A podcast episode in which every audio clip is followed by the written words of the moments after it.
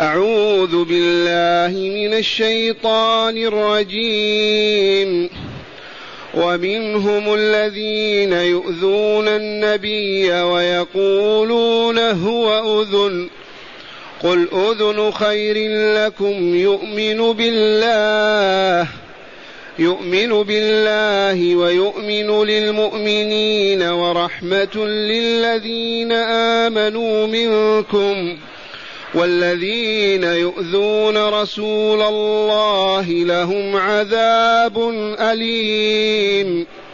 يحلفون بالله لكم ليرضوكم والله ورسوله أحق أن يرضوه. والله ورسوله أحق أن يرضوه إن كانوا مؤمنين.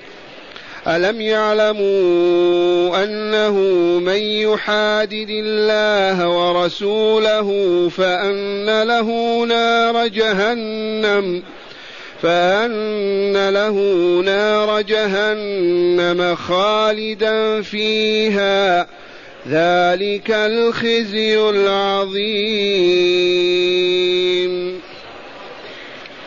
معاشر المستمعين والمستمعات من المؤمنين والمؤمنات. أعيد إلى أذهانكم أن هذه الآيات نزلت في المنافقين. من هم المنافقون؟ هم الذين يخفون الكفر ويبطنونه في باطن نفوسهم ويعلنون الإسلام بألسنتهم وبعض جوارحهم كأن يصلوا مع المسلمين. قلوبهم ما آمنت بالله ربا وإلها ولا بمحمد نبيا ورسولا ولا بالإسلام دينا وشرعا ولا بلقاء الله والجزاء على العمل في هذه الحياة. كافروا كافرون ولكن ألجأتهم الضرورة إلى إعلان إسلامهم بألسنتهم. ومن هنا لمرض قلوبهم يؤذون رسول الله صلى الله عليه وسلم.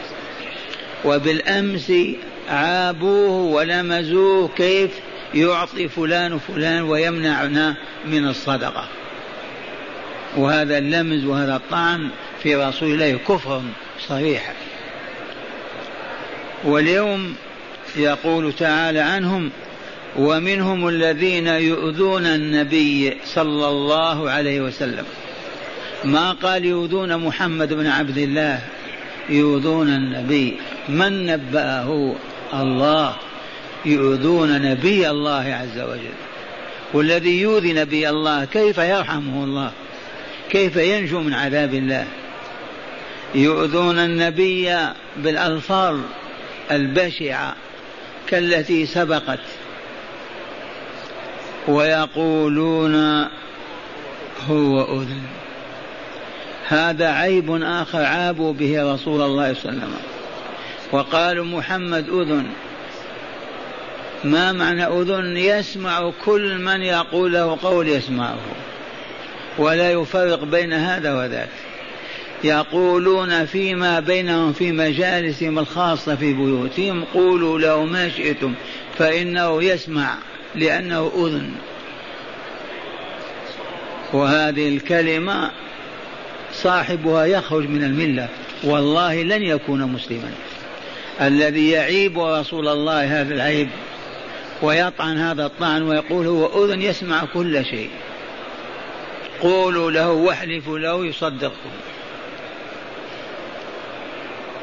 ومنهم الذين يؤذون النبي وعلى رأسهم نبتل بن الحارث والذي قال فيه رسول الله صلى الله عليه وسلم من أراد أن ينظر إلى الشيطان فلينظر إلى نبتل بن الحارث. وكان وكان والعياذ بالله تعالى مكارا خبيثا مشوه الخلقة وغيره ممن كانوا يطعنون بألسنتهم في رسول الله صلى الله عليه وسلم. ومنهم الذين يؤذون النبي ويقولون هو أذن. قل يا رسولنا لهم أذن خير لكم. ما هو أذن شر أذن خير؟ يسمع كلامكم ويعالج أحوالكم ويساعدكم على كروبكم وآلامكم. هو أذن خير ما هو أذن باطل؟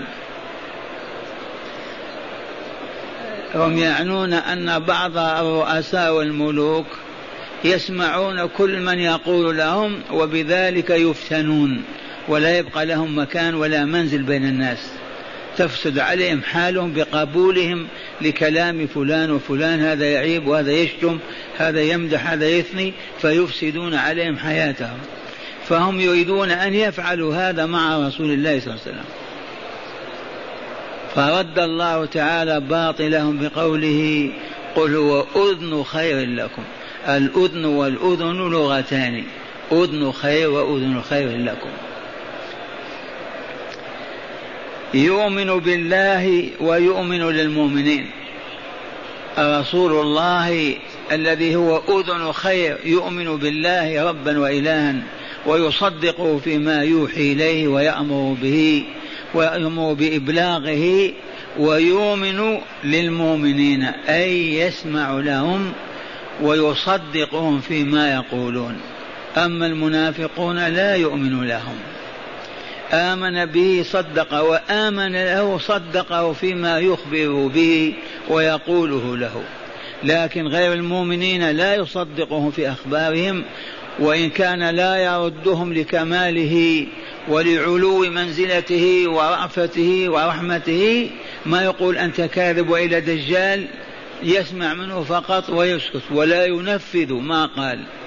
أما المؤمنون بحق يسمع لهم ويؤمن ويصدقهم فيما يقولون ويصدر الحكم بحسب قولهم. أما أقوال المنافقين الكاذبين لا قيمة لها عند الله. فلهذا هو لا يؤمن المنافقين ولا يصدقهم فيما يقولون.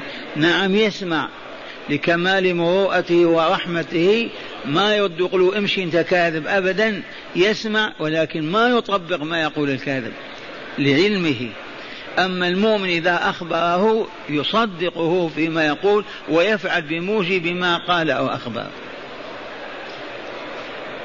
فقوله تعالى يؤمن بالله أي رسول الله يؤمن بالله ربا وإلها ويؤمن للمؤمنين أي يصدقهم فيما يقولون له. أما المنافقون لا يصدقهم. دعهم يكذبوا ويقولوا ما شاءوا لن ينفعل الرسول لقولهم ولا يعمل لعملهم قط لأنهم كذب منافقون.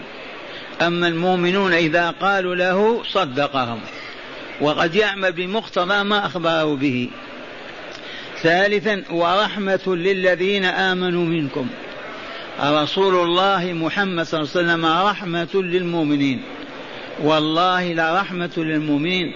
خالق الرحمة وواهبها أطلق عليه لفظ الرحمة. والله لرحمة للمؤمنين. هذه رحمة خاصة وهناك رحمة عامة للعالمين. فدعوته إلى الله لإنقاذ البشرية من النار في الآخرة وإنقاذها من الظلم والخبث والفساد في الدنيا. أليست هذه أكبر رحمة؟ من قام بها؟ هو صلى الله عليه وسلم. رحمة خاصة بالمؤمنين. يرحمهم ويشفق عليهم ويحسن إليهم. أما الكافرون لا. ورحمة عامة هي رحمته في هداية الخلق. هو رحمة العالمين. إذ قال تعالى له وما أرسلناك إلا رحمة للعالمين. وهناك رحمة خاصة في قوله تعالى لقد جاءكم رسول من أنفسكم عزيز عليه ما عنتم حريص عليكم بالمؤمنين رؤوف رحيم. بالمؤمنين خاصة بالمؤمنين رؤوف رحيم. فلهذا قال تعالى ورحمة للذين آمنوا منكم. يا معشر المستمعين إذ كانوا مؤمنين ومنافقين. ورحمة للذين آمنوا منكم. والذين يؤذون رسول الله. هذا خبر عظيم. والذين يؤذون رسول الله في عرضه في نسائه في أولاده في دينه في ملته في وحيه في رسالته. ما بعد هذا الأذى اذى والذين يؤذون رسول الله لهم عذاب أليم. وهنا الأذية إذا كانت فيما يتعلق بالوحي والرسالة والشريعة فصاحبها كافر خارج من الملة. ومن كانت اذيته تتعلق بأخلاق أو بصفات بشرية عادية كالذين يجلسون في بيته وآذوه ما يريدون أن يخرجوا من البيت وهو يريد أن يدخل على أهله يؤذون بهذا الأذى فهنا هذا الأذى محرم وذنب عظيم ولكن لا يكون كفرا إلا إذا كان يتعلق بالذات المحمدية والرسالة والنبوة التي جاء بها. فالذين يؤذونه في دينه في ملته في أسرته في آله وعدهم الله بهذا العذاب الأليم. فلهذا يحرم علينا أن نؤذي رسول الله بكلمة. أية كلمة من شأنها تؤذي رسول الله وتنزي من قدره أو شرفه أو مكانته أو تصرف القلوب عنه أو تنزل من نفوس الناس تلك المحبة فهي كفر والعياذ بالله تعالى. والذين يؤذون رسول الله لهم عذاب أليم وهو عذاب يوم القيامة الكثير الألم والإيجاع. ثم قال تعالى عن المنافقين يحلفون بالله لكم ليرضوكم. يا معشر المؤمنين يحلف هؤلاء المنافقون لكم بالله ليرضوكم حتى ما ترفعوا أمرهم إلى رسول الله. فيكذب ويكذب ويقول والله ما قلت هذا ما هو قولي ولا الذي أقول هذا. لأنهم قد يسمع بعض المؤمنين كلامهم فيحاول أن يرفعه إلى رسول الله صلى الله عليه وسلم فيأتونه في بيته ويحلفون له بالأيمان على أنهم ما أرادوا هذا ولا قالوه ولا ولا.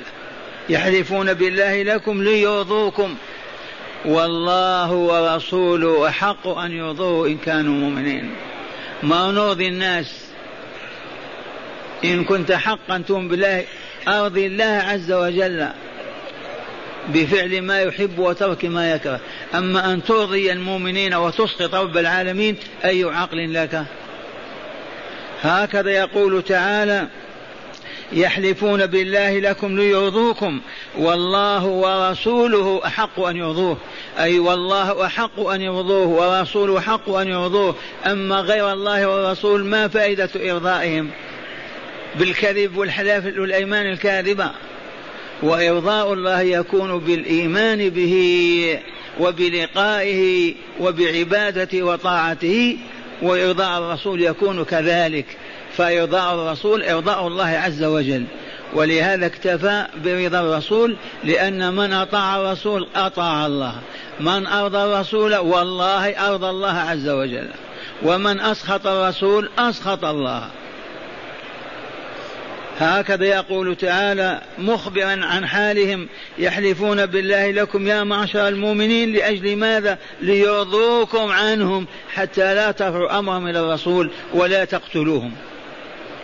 والله ورسوله أحق بأن يرضوه وإلا لا من فلان وفلان إن كانوا مؤمنين أما إذا كانوا كافرين هذا كلام لا يقبلونه ولا يدخل في قلوبهم الله ورسوله حق أن يرضوا إن كانوا مؤمنين.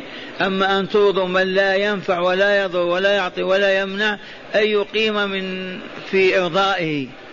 إذا كنت تخاف العذاب والشقاء والبلاء ارضي الله ورسوله أحق بأن ترضيهما. وذلك بطاعتهما في الفعل والترك. ثم قال تعالى لهم ألم يعلموا هذا التوبيخ والتقريع هذا الاستفهام. ألم يعلموا أنه من يحادد الله ورسوله ومحادة الله معاداته؟ وقف في حد وهذا في حد هذا في عدوى وهذا في عدوى. لا ولا ولا موالاة ولا طاعة ولا حب ولا تلاقي. من يحادد الله ورسوله ويقف بعيدا عنهما لا إيمان ولا طاعة ولا متابعة هؤلاء لهم نار جهنم خالدين فيها.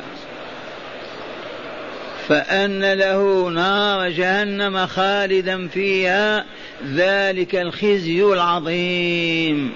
لا خزي أعظم من أن يلقى المرء نفسه في عالم الشقاء لا يخرج منه أبدا ولا يرى أما ولا أبا ولا يعرف أحدا ويصرخ ويعذب ملايين السنين بلا نهاية. هذا هو الخزي العظيم. ما هو الخزي في الدنيا؟ قال كلمة سوء يعاقب عليها ويعاتب عليها.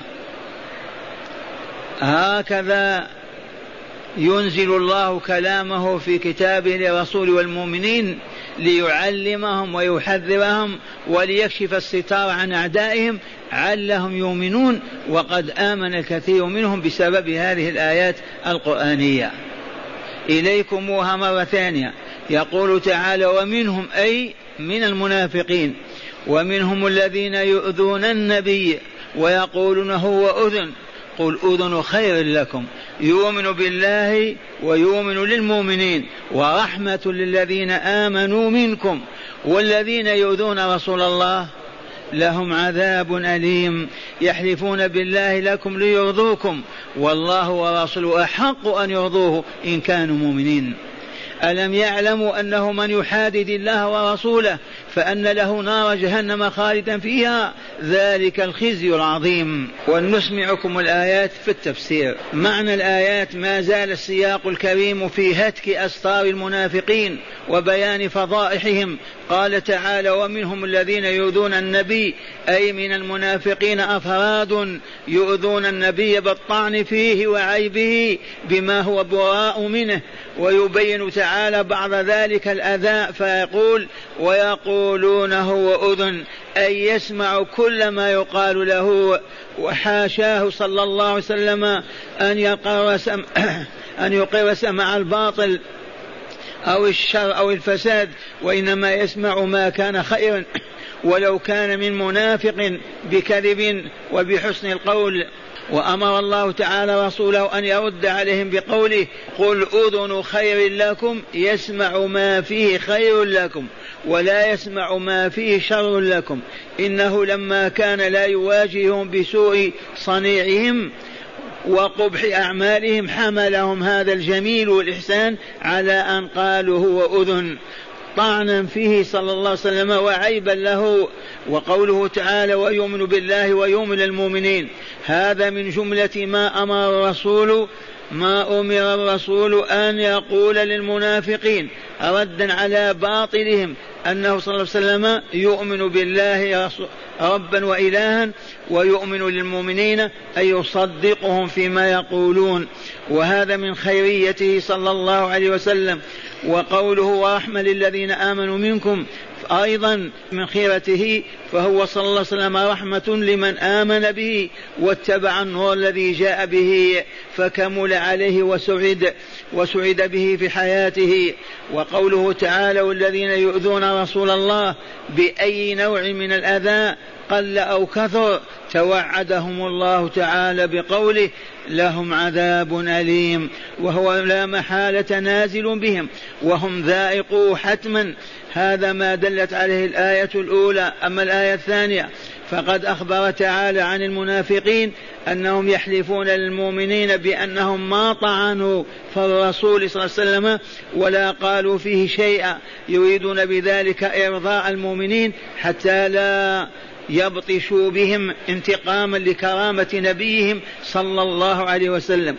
قال تعالى يحلفون بالله لكم ليرضوكم والله ورسوله حق أن يرضوه إن كانوا مؤمنين. أي فبدل أن يرضوا المؤمنين كان الواجب أن يرضوا الله تعالى بالتوبة إليه ويرضوا الرسول صلى الله عليه وسلم بالإيمان به ومتابعته إن كانوا يزعمون أنهم مؤمنين.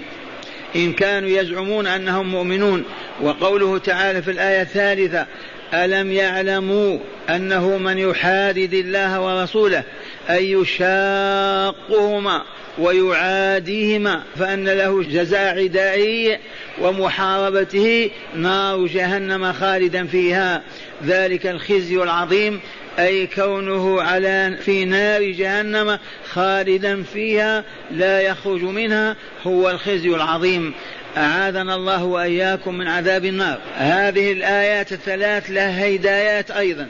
هيا بنا نتناول هذه الهدايات. أولا حرمة أذية رسول الله بأي أذى من الوجوه. حرمة أذية رسول الله صلى الله عليه وسلم بأي وجه من الوجوه ولو ببعض كلمة. وقد قلت لكم إن كانت أذيته تتعلق بدينه وملته وما جاء به فهو الكفر. وإن كانت تتعلق ببعض أهله مثلا فهو إثم عظيم. ثانيا كون النبي صلى الله عليه وسلم رحمة للمؤمنين دعوة للإيمان والإسلام. كونه رحمة هذه دعوة للإيمان به والإسلام لله تعالى. ثالثا توعد الله تعالى من يؤذي رسوله بالعذاب الأليم. توعد الله تعالى على من يؤذي رسوله بالعذاب المبين. دليل على كفر من يؤذي رسول الله صلى الله عليه وسلم. رابعا بيان كذب المنافقين وخيبتهم حيث يحلفون للمؤمنين أنهم ما طعنوا في الرسول وقد طعنوا بالفعل. وإنما حلفهم الكاذب يدفعون به غضب المؤمنين والانتقام منهم. خامسا وجوب طلب رضا الله تعالى بفعل محابه وترك مساقطه سادسا توعد من يحادد الله ورسوله بالعذاب الأليم. أعاذنا الله وإياكم من عذاب الدنيا والآخرة.